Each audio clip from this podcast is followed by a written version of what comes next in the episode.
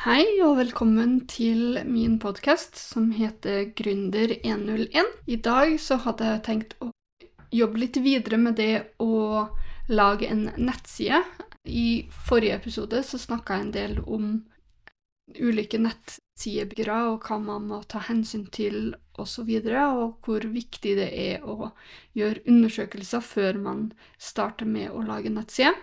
Eh, og så snakka jeg en del om om man skal gjøre det sjøl, eller om man skal ansette noen andre eller ikke.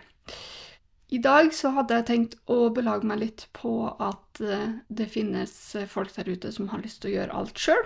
Som er interessert og nysgjerrig og lærevillig og tenker at det her, denne jobben kan jeg ta på meg sjøl. De har skjønt at eh, De har kanskje skjønt at eh, det å lage en nettside eh, kommer til å ta litt tid, men at de er klar for utfordringer. Og de ønsker å sette av deler av tida som de egentlig kunne ha brukt på andre ting, på nemlig akkurat det her. For det, det, den innseelsen er mm, veldig viktig å ha på forhånd før man setter i gang, tenker jeg. Så det jeg har tenkt å gjøre, er å snakke litt sånn lineært om det å lage en uh, nettside fra scratch. Og det første man uh, rett og slett må tenke over, er jo domene. Og før man uh, kjøper et domene, så må man jo vite hva for slags domenenavn man skal ha. og de fleste tenker jo at det her er ganske enkelt. Forhåpentligvis, muligens. Fordi at man har jo en bedrift, og da kjøper man jo bedriftens domenenavn. Så for eksempel hvis man heter eh, Snekker-Hansen, for eksempel, så kan det være at man har lyst til å kjøpe snekkerhansen.no. Men så er det jo sånn at det er jo ikke alltid man kan kjøpe alle de domenenavnene man ønsker seg. Fordi noen er jo tatt, noen eh, er det ikke lov til å ta, rett og slett pga. trademark osv. Så. Eh, så det er lurt å sjekke opp i det her. Men hvor i alle dager er det man sjekker opp det her? Jo, det finnes en genial nettside som heter navnesøk.no, eller navnesok.no. Der kan man skrive inn ulike navn man har lyst til å ha på bedriften eller på nettsida si. Man tar jo utgangspunkt i bedriften. for Da får man tre forskjellige eh, lista over om domenenavnet er bra som Nei, om navnet er bra som bedriftsnavn, domenenavn og en eller annen ting annet som jeg ikke husker akkurat nå. Så navnesok.no, veldig lurt å ha. Eh, og da, hvis man faktisk ikke har starta bedriften sin noe mer, så er navnesok.no veldig grei å ha som en sånn referansepunkt for å finne ut om bedriftsnavnen er good også. Eh, nå gikk jeg inn på navnesøk.no og så at man kan sjekke domenenavn, foretaksnavn og varemerke. Og varemerket går jo på trademark og patent. Mm, så hvis jeg f.eks. sjekker lagetinorge.no, så er det greit som foretaksnavn og varemerke, men det er noen andre som har kjøpt domenenavnet. Og da er det jo sånn at man kan jo da gå videre til å velge noe annet. Men hvis man virkelig, virkelig har lyst på det her domenenavnet, laget i norge.no, så kan man gå på eh, Vis resultat. Og så vil man da få opp en liste over domenenavnene. Um, og da er det sånn at man har en mulighet til å trykke på 'detaljer', som er en knapp. Og da når man trykker på detaljer, så kom, poppes det opp en ny vindu. Først må du bekrefte at du ikke er en robot, selvfølgelig. Men etter det så får du vite all informasjonen om domenet laget i Norge. Så nå kan jeg se at den er kjøpt hos domeneshop.as, og jeg kan se personen som har kjøpt domenet. Så hvis man ønsker å kjøpe et domenenavn av noen, så er det jo bare å ta en kontakt med den personen via e-post eller telefon, og så kan man eventuelt forhandle med dem om å få muligens kjøpt domene eller ikke. Det, en av de tingene som er lurt også å sjekke, er jo om laget i Norge f.eks. er en nettside. Skal vi se. Og da kan jeg se her at den er parkert, som gjør til at det er en økende sannsynlighet for at jeg kan faktisk kjøpe denne nettsida av personen. Men vær litt obs på det, fordi prisen på et domene blir jo mest sannsynlig ikke de 120 kronene det koster for å kjøpe et domene. Mest sannsynlig vil jo den personen ha litt mer. Og jeg vet at det finnes flere som ønsker en sum opp mot 300 000 for enkelte domenenavn. Så det her, det her, handler litt om å gjøre undersøkelser og prøve å strategisk tilnærme seg den personen for å finne ut om domenet er til salgs eller ikke. Ok, La oss si at dere har funnet dere et domene som er mulig å kjøpe. Da går det an, og man får tommel opp på alle greiene, domenenavn, foretaksnavn og varemerke, så kan man da gå videre på fremdeles påviseresultat. Men istedenfor at det kommer sånn detaljer om bedriften, så kan man ha en knapp som står 'registrere'. Og da vil Norid ta også gi dere en ny pop-up-vindu, hvor man kan trykke på 'bestille domeneabonnement' som bedrift eller annen virksomhet, eller som privatperson, men privatperson er litt vanskeligere fordi man må ha Man må først og fremst være over 18 år, og så må man ha et spesielt nummer. Jeg tror ikke man kan kjøpe Man kan ikke kjøpe domenenavnet på personnummeret ditt. Du må bestille deg et sånn person-ID-nummer for å kunne kjøpe det som privatperson. Så det beste er å kjøpe et domenenavn som bedrift. Og da er det sånn at eh, man har det første steget, som er å sjekke om domenenavnet du vil ha, er ledig. Selv om navnesøk.no er en veldig fin referansepunkt, så må man faktisk skrive inn domenenavnet sitt en gang til på Norid sin nettside. Og så kan man da få en bekreftelse på at domenenavnet er ledig. Og når man skal finne en forhandler, så kan man trykke på 'gå til forhandlerliste'. Da får man en hel haug med liste med domeneforhandlere som tilbyr det her. Og det som er veldig viktig for dere å vite, er at det kommer opp en liste med folk som tilbyr DNS-sekk, eller ikke tilbyr DNS-SEC. Alltid velg de som faktisk tilbyr sikring av DNS-SEC, fordi det er veldig viktig for å vise at du har en sikker nettside. Hvis du tar en uh, domeneforhandler som ikke tilbyr DNS-SEC, så betyr det i realiteten at uh, kundene dine kan bli videresendt til nettsider som um, kan prøve å skamme eller hacke kundene dine. De tror de kommer til din nettside, men i realiteten så blir de sendt til en annen side som eh, prøver å svindle dem på en eller annen måte. Så det Selv om DNS-SEC og selv om nettsida di er fremdeles sikker i forhold til SSL-sertifikat, som gjør til at uh, alt blir sendt kryptert, så blir de fremdeles sendt kryptert over til en annen side, som kan prøve å skamme det. Det vil si at de kan prøve å sende, uh, legge inn kortopplysningene sine eller noe sånt. Det kan ikke det kan ikke eh, du hindre dem i å gjøre hvis de tror at de faktisk kommer til din side. Si at du har en nettbutikk for eksempel, og selger en sko, og så har noen greid å hacke det og videre sendt eh, folkene til en tilsvarende nettside som selger akkurat de samme produktene som deg. Så når kundene da legger inn betalingsopplysningene, så er det jo rett og slett eh, hackerne som får pengene istedenfor du. Og kundene får jo selvfølgelig ikke produktene sine. Så det er derfor DNS-SEC er veldig viktig eh, for å kunne hindre folk i å bli skamma på nett. Du kan fremdeles konfigurere eh, DNS-SEC på egen hånd. Det er jo mer komplisert, eh, og da anbefaler jeg å ta kontakt med en utvikler som faktisk kan det her istedenfor. Nå er det jo sånn at Domeneshop de tilbyr jo DNS-SEC, men det gjør ikke Webhuset av en eller annen grunn.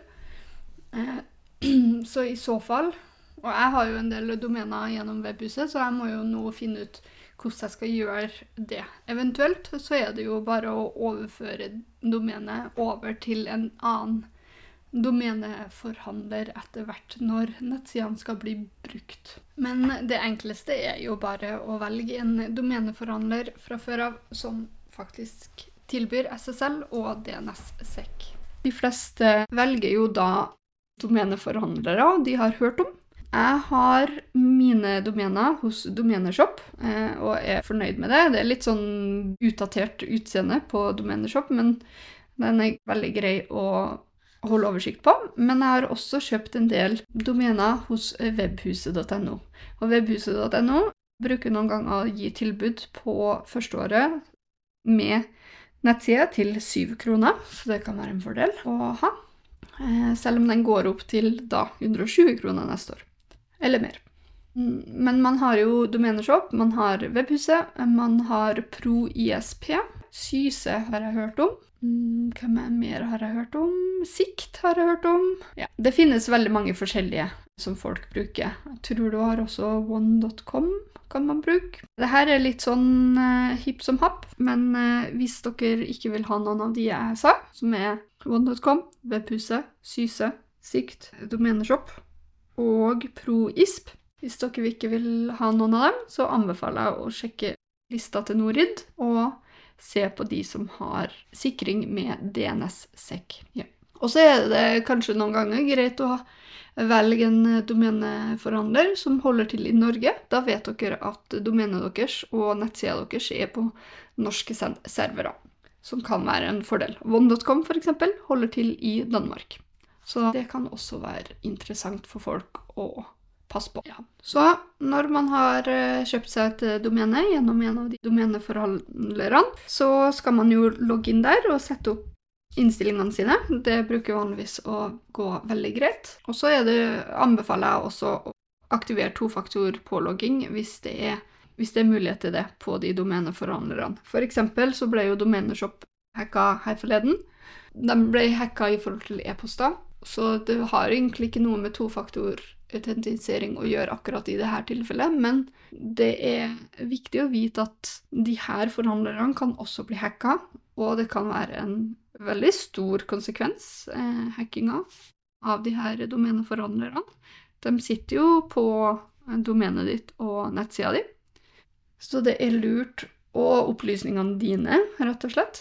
Så det er lurt å alltid tofaktorisere nettsida, tilfelle de eh, får tak i opplysningene dine. Og så er det jo sånn at eh, hvis man f.eks. velger å bruke one.com som domeneforhandler, så er det jo sånn at eh, one.com også tilbyr nettsidebygger, som er egentlig relativt grei. Den syns jeg er helt, helt innafor å bruke. Så hvis det er noen som ønsker den, så gir jeg en klarsignal på det. Men hvis man velger en av de andre nettsider... Nei, unnskyld, domeneforhandlerne, så er det jo veldig ofte sånn at de også tilbyr en sånn Hva heter det? 123-løsning for Wordpress. At man kan installere Wordpress på 123. Som er også anbefalt. Og da har man tilgang til en, et CMS-system som du fullt, fullt, og ei, fullt og helt eier og som ingen kan ta fra deg, rett og slett. Så det anbefaler jeg. Da har du egentlig, selv om det kanskje er litt avansert å tenke på akkurat nå, men da har man faktisk alle filene tilgjengelig for Wordpress. Så hvis det går dunken med Wordpress, så kan man faktisk ha de filene, og så kan man overføre det til noe annet. Og med Wordpress så finnes det jo utallig mange forskjellige maler man kan bruke, som folk har laga både gratis og betalte. Så der har man faktisk et hav av muligheter. Og da er det jo, hvis jeg går videre på Wordpress, så er det jo bare å rett og slett å bruke den malen du velger deg, gjennom Theme Forest eller gjennom eh, nettsida til Wordpress, eh, og begynn å bygge. Og så er det jo rett og slett å vite at Google er din venn. Er det noe du ikke finner ut av, så kan du alltids google det, og du får svar. Fordi Wordpress er en veldig anerkjent CMS-bygger. Over en tredjedel av alle nettsidene på verdensbasis er hosta eller er, har Wordpress som CMS-system.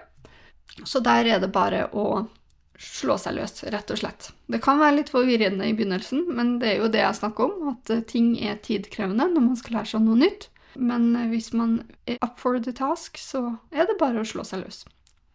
Eh, og hvis man bruker Wordpress, så tilbyr de fleste domeneforhandlerne en sånn 1, 2, 3 wizard for å sette opp Wordpress, som gjør det ganske enkelt. Eh, velger man f.eks. en annen CMS, som f.eks. Squarespace eller um, Shopify eller Vix, så krever det litt mer samhandling mellom domeneforhandleren din og CMS-systemet.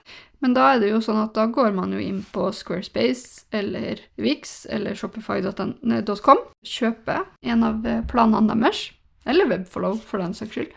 Man kjøper en av planene deres, man bygger nettsida helt til man syns den er bra nok til å se verden, hva heter det? verdenslys, jeg vet ikke. Og så Dagens lys, heter det. Og så går man inn på domeneforhandleren, og så legger man inn ulike kodesnutter for, for de her domenene. Da går man inn, og så endrer man på DNS-reglene, hvor man skal peke mot Squarespace eller Shopify eller Webflow eller Vix. Så da, på nettsida til Squarespace og Shopify og alle de andre nett CMS-byggerne så finnes det oppskrifter for hvordan man gjør det her. Det eneste avanserte er å prøve å finne det fram innpå inn på domeneforhandleren. Og så hvis det er sånn at man har ganske masse andre ting inn på, de, inn på den DNS-en, så kan det jo være at det noen ganger kolliderer. Da får man alltids hjelp av domeneforhandleren hvis man sender en mail. Det er bare det at ting som kolliderer, tar oftest litt mer energi og litt mer tid enn det man ønsker. Men eh, sånn er livet når man har lyst til å prøve å finne ut av ting. Det er ikke alt det går etter planen. Det har jeg erfart flere ganger. Så da eh, kan jeg jo også si at Squarespace og Vix og Shopify og sånn har jo også gratis templates som man kan bruke for å lage nettsida si. Um, noe kan det er jo ikke alltid at man er 100% fornøyd med alle templatesene man, eller de templatesene man velger, og man kan gjøre justeringer her, men det bruker ofte å være litt mer avansert. Og det er ikke alltid man har like stor valgfrihet på de temaene som om man bygger ting fra bunn. Og noen ganger så krever det en del kodekunnskaper for å kunne style en, et bilde eller en produktboks litt annerledes enn det man ønsker. Eh, man må huske at de templatesene som tilbys, de er jo laga gener generisk for en hel haug med folk. Da tenker kun de på generelt sett god styling, og ikke en din mening eller din holdning om hva som er god, god styling eller en god nettside. Og så er det jo sånn at eh, en bedrift ønsker jo ikke bare et rammeverk for nettsida. Det er jo sånn at man ønsker å implementere mange forskjellige ting. Det jeg anbefaler å implementere på nettsida si, det er jo å koble det her mot Google. Lag en Google bedriftskonto er veldig viktig, for da dukker man opp hvis man søker på f.eks. snekker på Google, så kan din snekkerbedrift komme opp på høyre side. Du kan dukke opp på Google Maps, som kan være en stor fordel. Man kan linke til nettsida si på Google Bedrift, og man kan legge inn ulike tjenester man har. Så det anbefaler jeg. I tillegg så er det en del som bruker Google Analytics for å sjekke analysen på nettstedet sitt. De fleste CMS-byggere tilbyr også en eller annen form for analyseverktøy, sånn som Shopify gjør det. Squarespace vet jeg gjør det. Usikker på om Vix gjør det, men jeg antar at de gjør det. Og de er jo gratis å bruke, men det man også gjør da ved å bruke de analyseverktøyene, er jo at man mest sannsynlig deler den opplysningene med Shopify og Squarespace og Vix. Bruker man Google Analytics, så deler man informasjonen med Google. Så på et eller annet vis så selger man sjela si.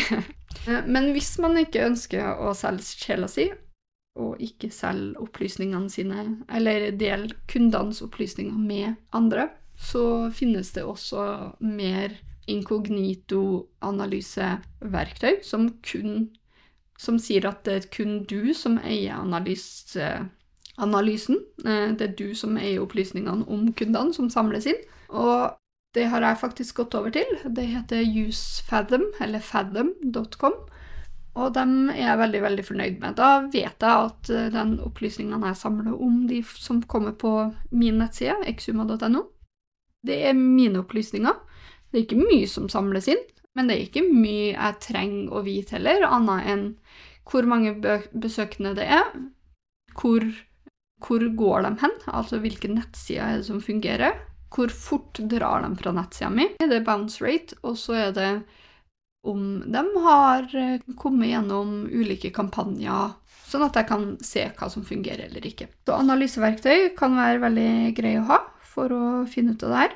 Jobber man med nettbutikk, så syns jeg Shopify sin analyseverktøy kan også være veldig fin, fordi den sier om folk har kommet til kassa, man har mulighet til å sende en e-post hvis de faktisk har lagt ting til ting i handlekurven, men faktisk ikke gjennomført et kjøp. Du kan få se hvilke produkter de har faktisk lagt til i handlekurven, og man får vite litt mer om hvor i verden de kommer ifra, osv., osv. Så så den kan være veldig grei å ha.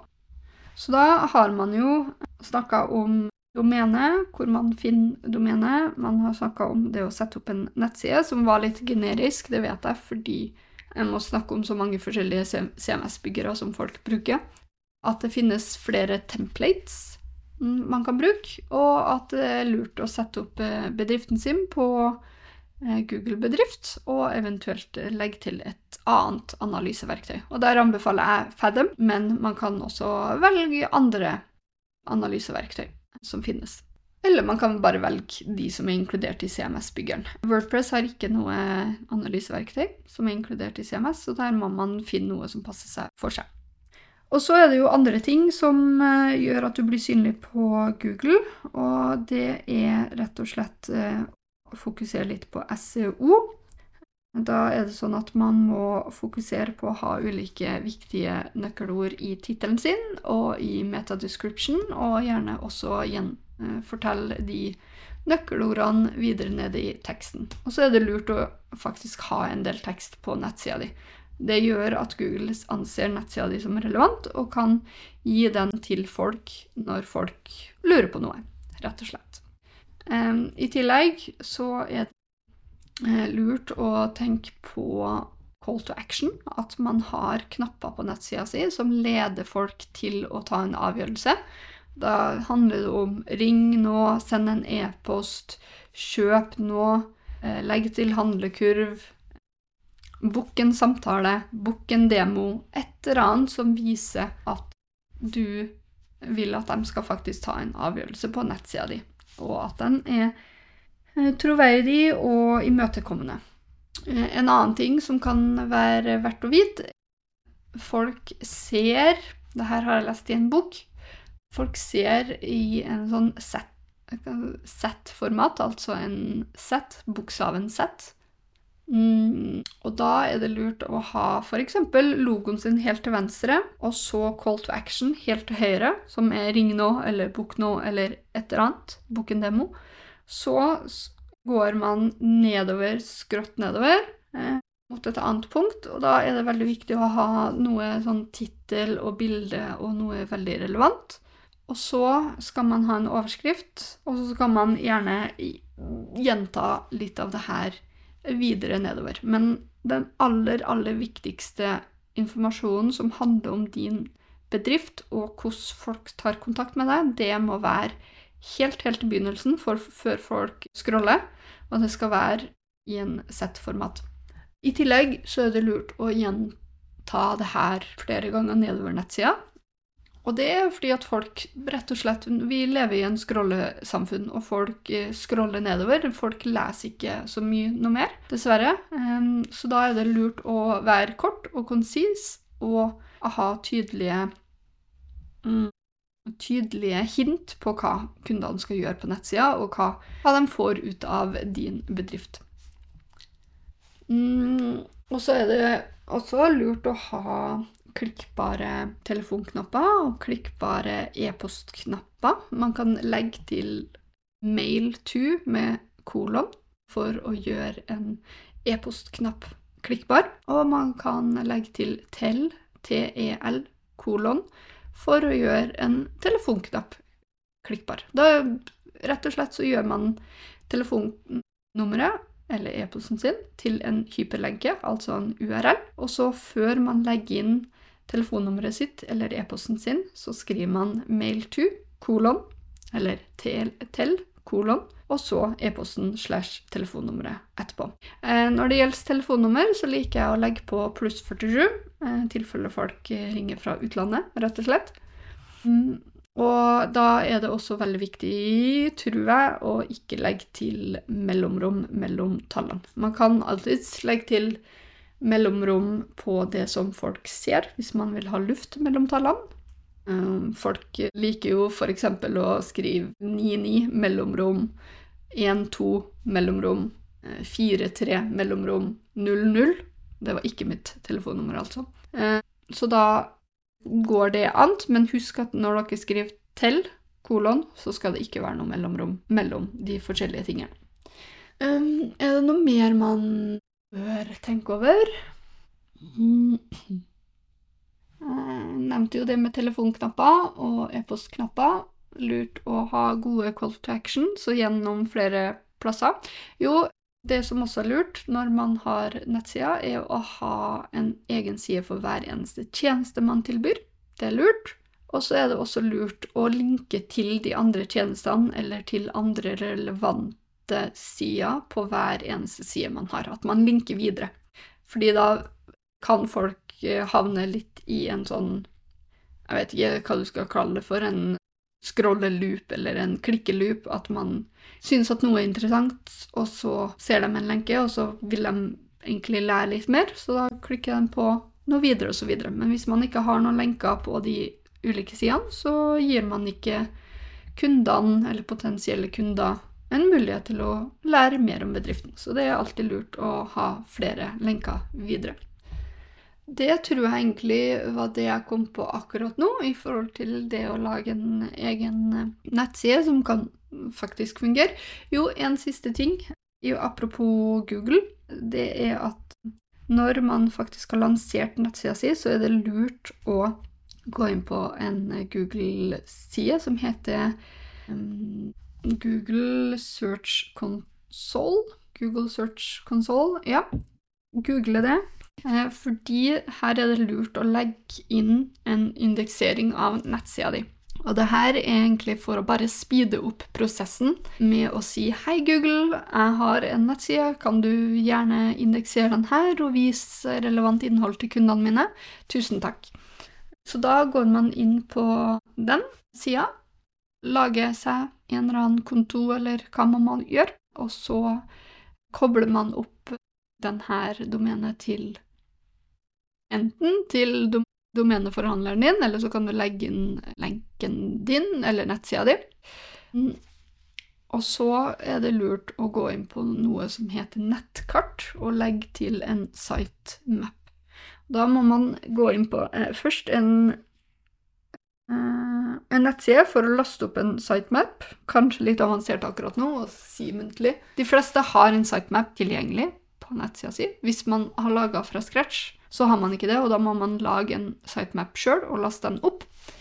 Eh, men en måte å sjekke det her på, er å skrive nettadressen din, så f.eks.